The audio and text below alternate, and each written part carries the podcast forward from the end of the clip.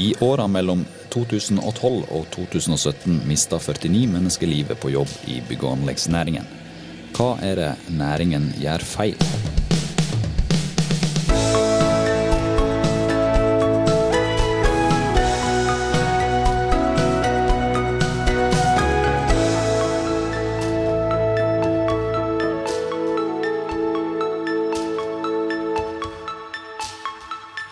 Jeg skal fortelle verda om deg, vil jeg fortelle om ditt lune og varme vesen som gjorde at det var så godt å være med deg. Det er det første verset av Ingrid Angelsgaard sitt dikt 'Når jeg skal fortelle', et dikt Ingrid skrev til sin bror Steinar Angelsgaard i 2013. Steinar ble bare 26 år gammel da han mista livet sitt på et steinknuseverk i Vikanes i Nordhordland. Steinar var altså en av de 49 mennesker som mista livet sitt på jobb i bygg og anlegg mellom 2012 og 2017. I samme periode så rapporterte Arbeidstilsynet om 1391 ulykker med langvarig fravær i bygg- og anleggsbedrifter. Det er nedslående tall, og nettopp derfor så har vi via 20 sider, inkludert framsida og lederartikkel til dette her temaet i vår siste papirutgave. Vi har publisert saken om Steinar og dikta hans på bygg.no. Og så har vi aktivt gått ut og oppfordra alle i næringen å gjøre det som eh, søstera skriver om i diktet sitt, nemlig å fortelle verden om Steinar. Og den responsen som vi har fått, eh, har jo vært overveldende, vil jeg si. Og eh, jeg tror det at å, å komme bak tallene og statistikker har vært nøkkelen for akkurat det. I dag så skal vi snakke om det vanskelige temaet dødsulykke og arbeidsulykke i byggeplassen. Og med oss i dag så har vi Arve Brekkhus, sjefredaktør i Byggeindustrien. Stefan Offegård, journalist i Byggeindustrien. Kjell Sørensen, bedriftslege i Veidekke. Så kan vi begynne med deg, Arve Brekkhus. Eh, kan ikke du fortelle litt om bakgrunnen til hvorfor vi har via hele framsida og det diktet til Ingrid? Og 20 sider til dette her temaet i den siste utgaven av bladet vårt. HMS er jo noe som alltid skal og må komme øverst på, på alle prioriteringslister. Eh, og selv om vi vet at det seriøse delen av byggenæringen også setter HMS eh, høyt opp eh, på sine prioriteringslister, så døde likevel altså 49 mennesker på løpet av de fem-seks åra du skjærte opp eh, i stad. Eh, og enda flere ble skada. Ofte kan jo dette fremstå som bare tall og statistikk. Vi må huske på at hva stor tragedie egentlig det er hver gang en person kommer i, i ei dødsulykke. Og tenk på alle som er berørt av dette. her. Uh, uh, når det skjer dødsulykke, er det noe som endrer familien til den forulykka, venner og alle de nærmeste rundt den. Og for ikke snakke om kollegaene som kanskje kan være vitne til en slik ulykke òg. Så det får store konsekvenser og berører veldig mange. Og selv om det er mye som har skjedd i bransjen de siste åra, så er det jo fortsatt altfor mange alvorlige ulykker. Og spesielt døds, dødsulykker ser vi at holder seg på et altfor høyt nivå. Så vi ønsker å sette fokus på historien bak statistikken og rett og slett å snakke med ulike personer som på en eller annen måte er berørt av ulykker som har skjedd, og som jobber for å unngå disse. her. Og vi ønsket bl.a. å fortelle verden om Steinar og ulykka som skjedde med han og alle de andre umistelige som har mista livet sitt på jobb. Kan du si noe om eh, hva slags reaksjoner vi har fått i etterkant av at vi har satt sånn fokus på det som vi har gjort nå i det siste? Jeg syns vi har fått veldig god respons på, på den artikkelserien. Eh, spesielt på forsida. Vi lager forsider som vi aldri har gjort før, med diktet som du nevnte, og eh, fargebruken der. Der har vi fått veldig mye tilbakemeldinger på, og stor oppmerksomhet. og tillegg har vi jo gått ut med tematikken på bygg.no og sosiale medier, og vi har vel aldri fått så mange tilbakemeldinger på, på en artikkelserie som vi har fått gjennom denne saken. I hvert fall har ikke jeg fått det inn til meg sjøl, både telefoner og mailer og samtaler vi treffer på folk i bransjen. Så det har gjort inntrykk. og på den måten vi håpte, egentlig. Ja, Det gjør inntrykk å fortelle eller lese om, eh, om noen som mister livet sitt. Eh, i hvert fall når det er på jobb, og det er unge mennesker som blir revne vekk. og Det, det er en tragisk eh, historie du forteller eh, i den siste utgaven, Stefan Offergård. Eh, du var over til Vestlandet og snakket med foreldrene til, til Steinar som mista livet på steinknuseverket Oster Pokosanda i eh, 2013. Kan ikke du fortelle litt om hvorfor de ønskte å åpne opp og fortelle historien til Steinar til oss? Jeg tror noe av grunnen til at de ville åpne seg, var at vi hadde HMS som tema. Og at vi ønsket å sette historien deres i den rammen. da. Eh, Etter det de har opplevd, syns de selvfølgelig at HMS er veldig viktig. De ville bidra på sin måte eh, med å sette fokus på sikkerhet i bransjen og forhindre at eh, lignende ulykker rammer andre. Det sa de også til meg på telefonen før jeg møtte dem. Og budskapet kommer også fram i artikkelen. Eh, De sier der at eh, HMS må være første prioritet, at vi har ikke råd til å miste noen. Og faren ble litt lei seg akkurat idet han sa det, eh, for de hadde jo mista noen. Um, og sånn generelt, selv om de ønsket å snakke om dette, så merket jeg at de syntes det var vanskelig å snakke om det. da. Det var en vanskelig avgjørelse å ta. De måtte gå en runde og diskutere litt med hverandre og med søsteren sin. Nei, søsteren til Steinar. For det er, det er fortsatt veldig sårt og tøft for dem å snakke om det. Det er, liksom, det er noe de aldri kommer over. Det er noe de aldri kommer over. Og eh, du, eh, Kjell, jobber Du har dette her eh, som din jobb, du. Eh, på mange måter. Eh, heldigvis ikke hverdagskost, men eh, i løpet av 25 år i Veidekke så har du eh, jobba tett på flere dødsulykker. Hva er det som skjer i, internt når eh, ei sånn ulykke inntreffer? Ja, det skjer jo veldig mye med alle som er på byggeplassen eller på anlegget eller på det stedet hvor det foregår. Så får man jo eh, Det går utover alle, uansett om de kjenner vedkommende, om det er en liten plass med fire stykker, eller om det er en svær plass med 250 som jobber der. Så alle blir berørt fordi at eh, alle kan på en måte gangen på en byggeplass. De vet hva som foregår, de kan litt av det spillet som er, og det samspillet som er. Og plutselig så er det en brikke som blir revet bort på en helt uh, forferdelig måte.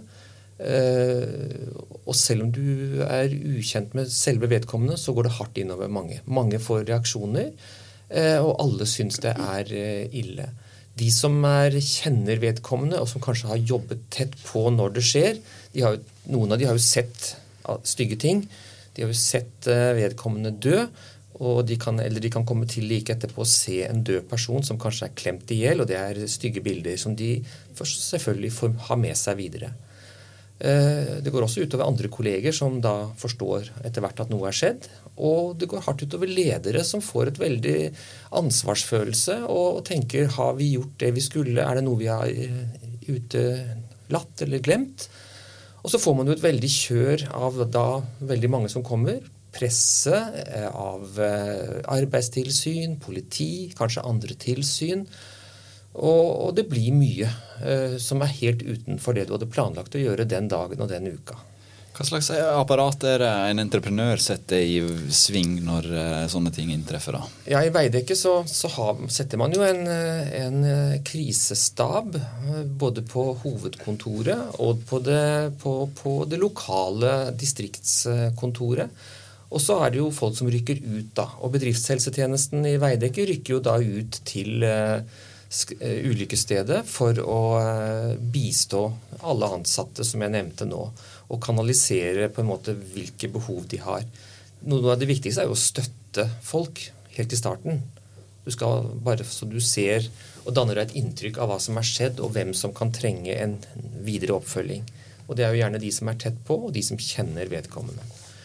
Eh, og så har du eh, også et behov for å støtte lederne i at man skal eh, få på plass alle de, de tingene vi skal ha på plass med informasjon. For det er et veldig informasjonsbehov, og da trenger man å, å informere om fakta, ikke noe annet. Det er ikke noe spekulasjoner, kun det vi vet, hva som er skjedd, det som er opplagt at alle vet, det kan man si. Det skal man si. Eh, hva tror du eh, Når du var inne på det, eh, at presse, presse og media blir en del av dette her med en gang det skjer. Eh, men nå har vi tatt opp en sånn sak fem år etter, og de forteller denne historien. Eh, tror du det kan ha noen effekt sånn utad at du får et ansikt bak det tallet og den statistikken vi alltid ser? Ja, det, det tror jeg. Og vi gjør jo det samme i Veidekke og til folk som orker å stå frem. Eh, at de står fram eh, etter alvorlige ulykker, da, selvfølgelig. eh, Som å stå fram og forteller om hvordan det var, hvis de har fått en, var- et varig men. Og forteller hvordan det har vært etterpå. Og de forteller om, om dette til andre på f.eks. allmøter osv. Det er ganske effektfullt. Det gir inntrykk, gjør godt inntrykk på folk og får dem til å tenke at dette er viktig å tenke forebyggende. Da, for du skal jo, det er jo den enden du skal være i, den forebyggende bilen på dette her. Ja, og det var jo, det var jo hele foranledningen til at de takka ja til slutt, foreldrene til, til Steinar. Og Det er jo helt umulig eh, Stefan, å sette seg inn i uh, hvordan de opplever det. Men kan du si noe om hvordan det har påvirka den familien? eh? Ja, eh, I familien til Steinar så reagerte de på hver sin måte, egentlig. Eh, det er jo veldig individuelt, sånne ting. Eh, han, faren fortalte at han ble helt tappet for krefter, og at det påvirket han i jobben. Han var, han var ikke like effektiv som før, eh, og han pensjonerte seg tidligere enn det, enn det han egentlig hadde planer om. Eh, Han sa at det tok flere år før han fikk noe av livsgnisten tilbake. At han i en periode bare gikk på tur for å tenke på noe annet. da. Få tankene over på noe annet enn sorgen. Eh, For han var det også viktig å se ulykkesstedet med egne øyne og snakke med de som hadde vært der da ulykken skjedde. Mm, Men for moren så var det litt annerledes. Hun, hun ville ikke besøke ulykkesstedet, for det, det ble litt for sårt for henne. Eh, og hun hadde også en annen opplevelse av det å komme tilbake i jobb. Hun syntes jobben hjalp henne med å fokusere på noe annet enn bare sorgen. Og I tillegg hadde hun et godt forhold til kollegaene sine. Hun syntes det hjalp å snakke med dem om ulykken, og hun følte seg sett. da. Det var viktig for henne. Så de taklet det litt ulikt, og, og så var det søsteren som taklet det på en annen måte igjen. da. Hun skrev jo dette kjempefine diktet. Da hun forteller verden om Steinar, og vi vil hjelpe henne med det. Ja. Mm. Er dette her sånn det, Du var vel inne på det at folk reagerer så ulikt. Eh, og dette her er kanskje reaksjoner du kjenner igjen fra, fra veidekke og, og ulykker det har vært borti? Ja, det er veldig forskjellig hvordan folk reagerer. Noen reagerer eh, ganske kraftig, der eh, ganske med en gang. At det er gråt, og du blir overrasket over hvem som gråter mest noen ganger i forhold til hva du forventer av folk som du tror er sånn, ser veldig robuste ut, og så er det de som gråter mye. Og kanskje har de opplevd ting før som også kommer opp igjen på nytt når dette har skjedd eh, med en ny ulykke da, som de er vitne til, eller har eh, kanskje vært, hatt, vært med på og i, i hendelsen som førte frem til ulykken. Eh, og så er det andre som du ikke ser noen reaksjon på i det hele tatt, som virker uberørt. Som neppe er det, men som ikke tar det ut synlig. Og som selvfølgelig kan hende at de får en reaksjon senere, eller kanskje ikke. Vi er så forskjellige at alle reaksjonsformer er egentlig innenfor det normale. Det er jo det man sier i dag, at det er ikke Vi er så forskjellige at det der, det der takler vi veldig ulikt. Og også i hvilken tid det kommer. Men det er jo veldig viktig, da, som vi da sier til de som er i, på, på byggeplassen, at eh, man må følge litt med på hverandre og spørre litt åssen går det med deg? Tenker du på det som er skjedd? Hvordan har du det nå? Og være litt, by litt på seg selv og si hvordan man selv har det. Og kanskje får man vite da at nei, jeg har det ikke særlig bra. Og da kan man jo uh, ta kontakt for den som ikke har det bra, og ringe f.eks. til bedriftshelsetjenesten og si at min kollega, han sliter. Kan ikke dere ringe han? Istedenfor å si til kollegaen at han skal ringe bedriftshelsetjenesten. For hvis du har det tungt, så er det tungt nok å ta den telefonen. Så man sikrer seg at, man blir, at noen følger opp vedkommende. Hvem er det som følger opp deg, da? Du har eh, vært borti eh, 15 dødsulykker sjøl i løpet av 25 år. Eh, Har det noe apparat rundt dere? Ja, vi snakker sammen internt i bedriftshelsetjenesten. Vi gjør det. Vi snakker om det, vi som teamet der, da. For vi har jo, eh, vi har jo åtte stykker som er, har en eh, videreutdannelse innenfor dette med omsorgsberedskap. Så vi, vi sitter og snakker sammen etterpå. Du Arve, vi skriver jo, nå, nå har vi skrevet veldig mye om det i denne utgaven av Byggeindustrien, men det er jo et tema vi skriver om hele tida, uh, jevnt og trutt. Uh, hvorf, ja, hva, hva, skjer i næringen i dag som er bra på dette området? Da? For det, det er jo mye HMS-arbeid som blir gjort. Men allikevel så ser vi at uh, utviklingen på dødsulykker kanskje ikke er sånn som ønska. Eller den er jo åpenbart ikke sånn som ønska. Eh, men på andre områder med andre ulykker så, så går det litt bedre. Ja, Det har skjedd ganske mye de siste ti åra, vil jeg si. Eh, ikke minst i forhold til deling av informasjon mellom de ulike delene av bransjen. Det er oppretta chartere for, for en sikker byggenæring som der alle bedriftene og byggerne og hele verdikjeden går sammen for å dele informasjon og jobbe sammen og bli flinkere på HMS-arbeidet. Og det er jo strukturert enda mye mer nå. Nå skal jo ansettes en daglig leder som skal jobbe med det der.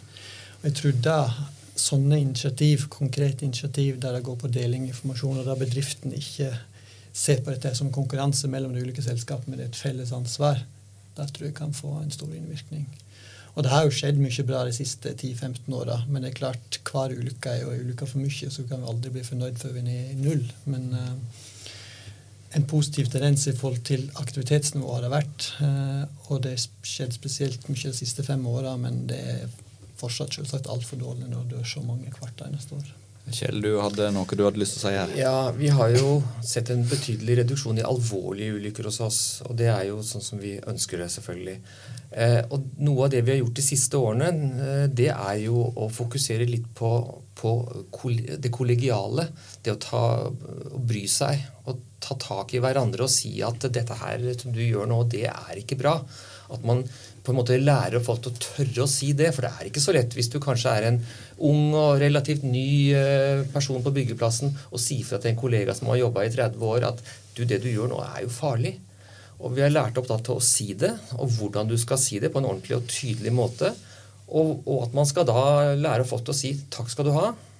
Og så kan man jo starte en diskusjon hvis man mener at det der er han har feil, han som sier fra, så kan man jo diskutere, men man skal i hvert fall si takk for at du sier fra, og så kan du diskutere det.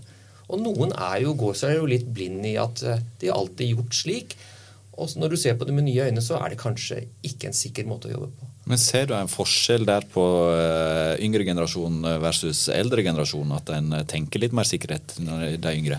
Ja, de gjør nok det. Og det er vel nok fordi at de kanskje har vokst opp med det helt på at man har blitt innpodet til fra I barnehagen med matte rundt ja, eh, alt som er Av og til kan du lure litt om det går litt langt, men, ja. men allerede der. Men, men, at man da har et fokus på at man skal komme uskadet hjem. Ja. Det har jo for så vidt alle, men at de kanskje har litt mer fokus på det, det hender. I tillegg har du veldig mange erfarne da, som har et veldig godt fokus på dette og tar veldig godt tak og sier fra tydelig når de ser at noen bryter det. Så det er et veldig blandet bilde. Men det at man lærer opp folk til å tørre å si fra, fordi det er et Kulturen skal være slik at du har en åpenhetskultur og som bryr seg om kultur.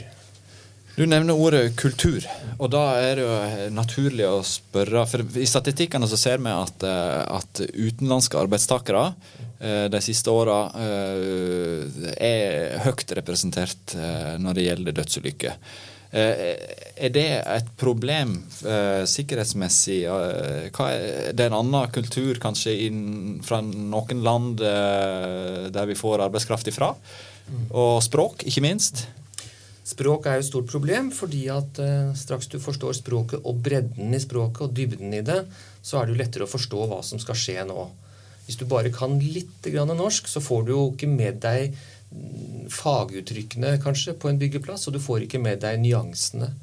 Eh, pluss at en del er redde for at eh, de på en måte ikke skal bli forstått. Og dermed så sier de kanskje ja og er veldig positive.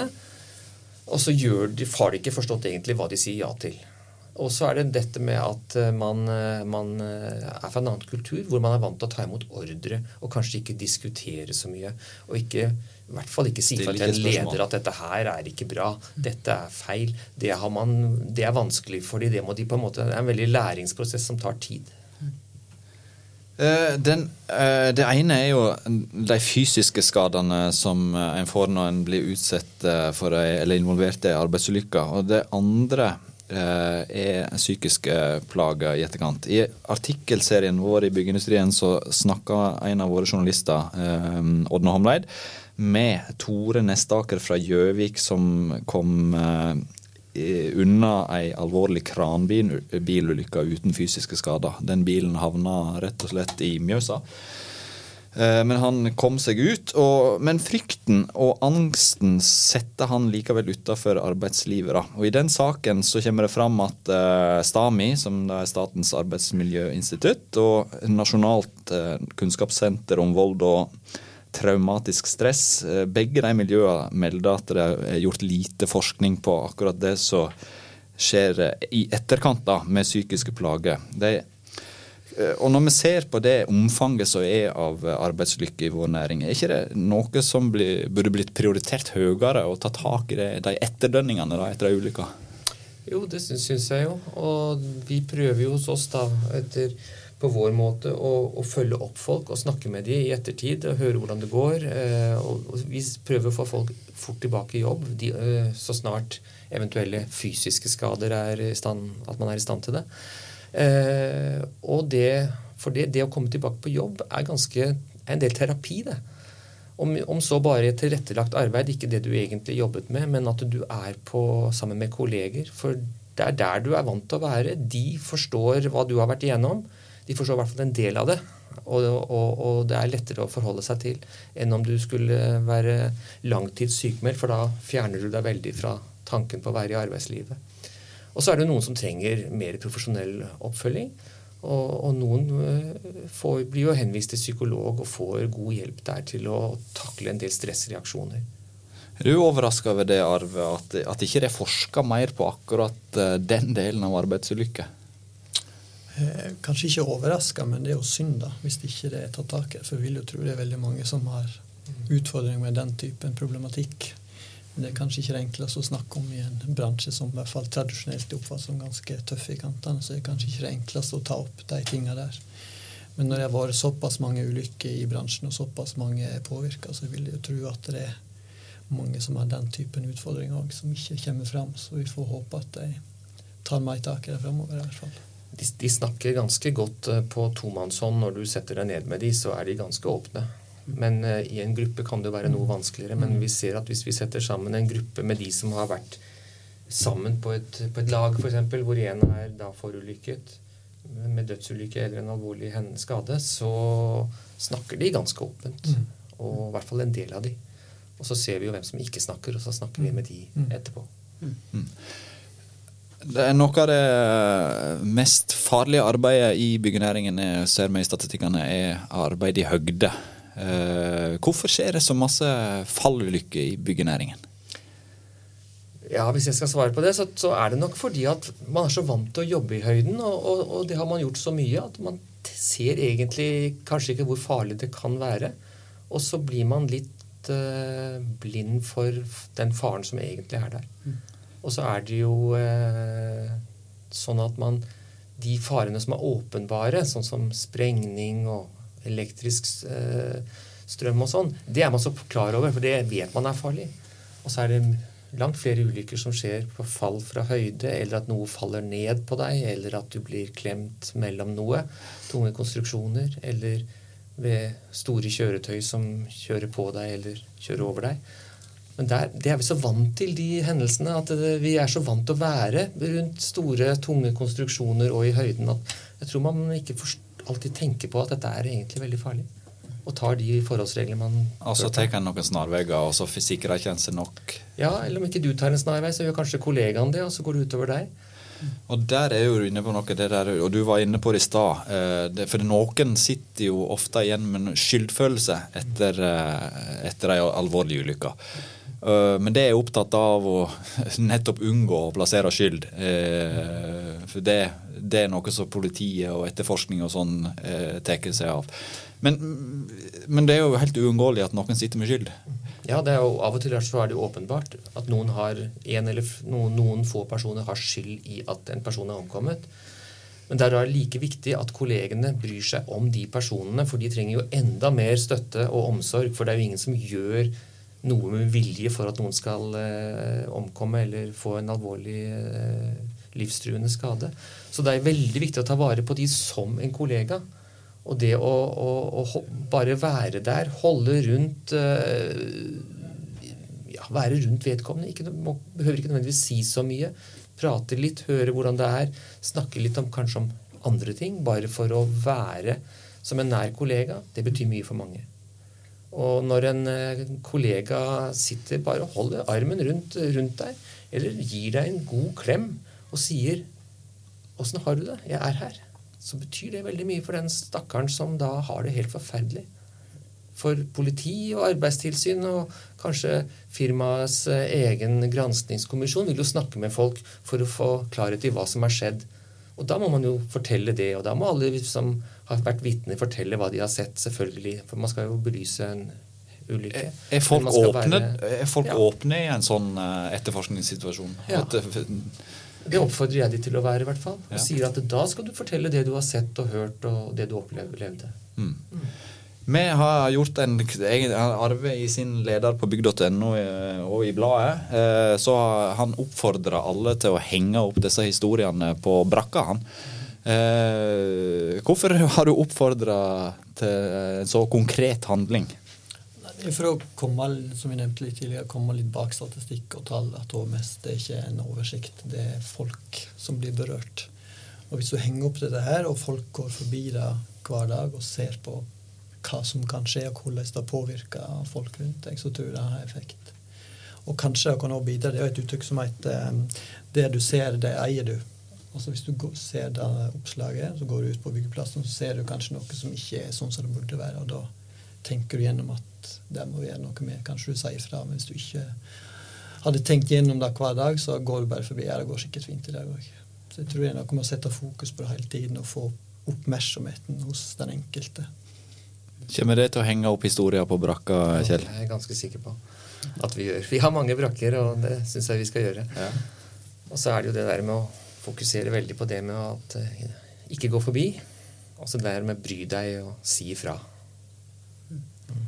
Bry deg og si ifra. Jeg lurer på om eh, vi skal rett og slett stoppe der, for det, det er en fin utgang på et vanskelig tema. Og da gjenstår det bare å si takk for at du har lytta til denne utgava av eh, Byggeplassen. I studio så har du hørt eh, programleder Frode Aga, sjefredaktør i byggeindustrien Arve Brekkhus, journalist i byggeindustrien Stefan Offergård og bedriftslege i Veidekke Kjell Sørensen. Eh, Alf, Magne, eh, Alf Magne Hillestad han har stått for lyden, og da sier jeg tusen takk for at du var med oss, og abonner gjerne på Byggeplassen, så er vi snart ute med en ny episode.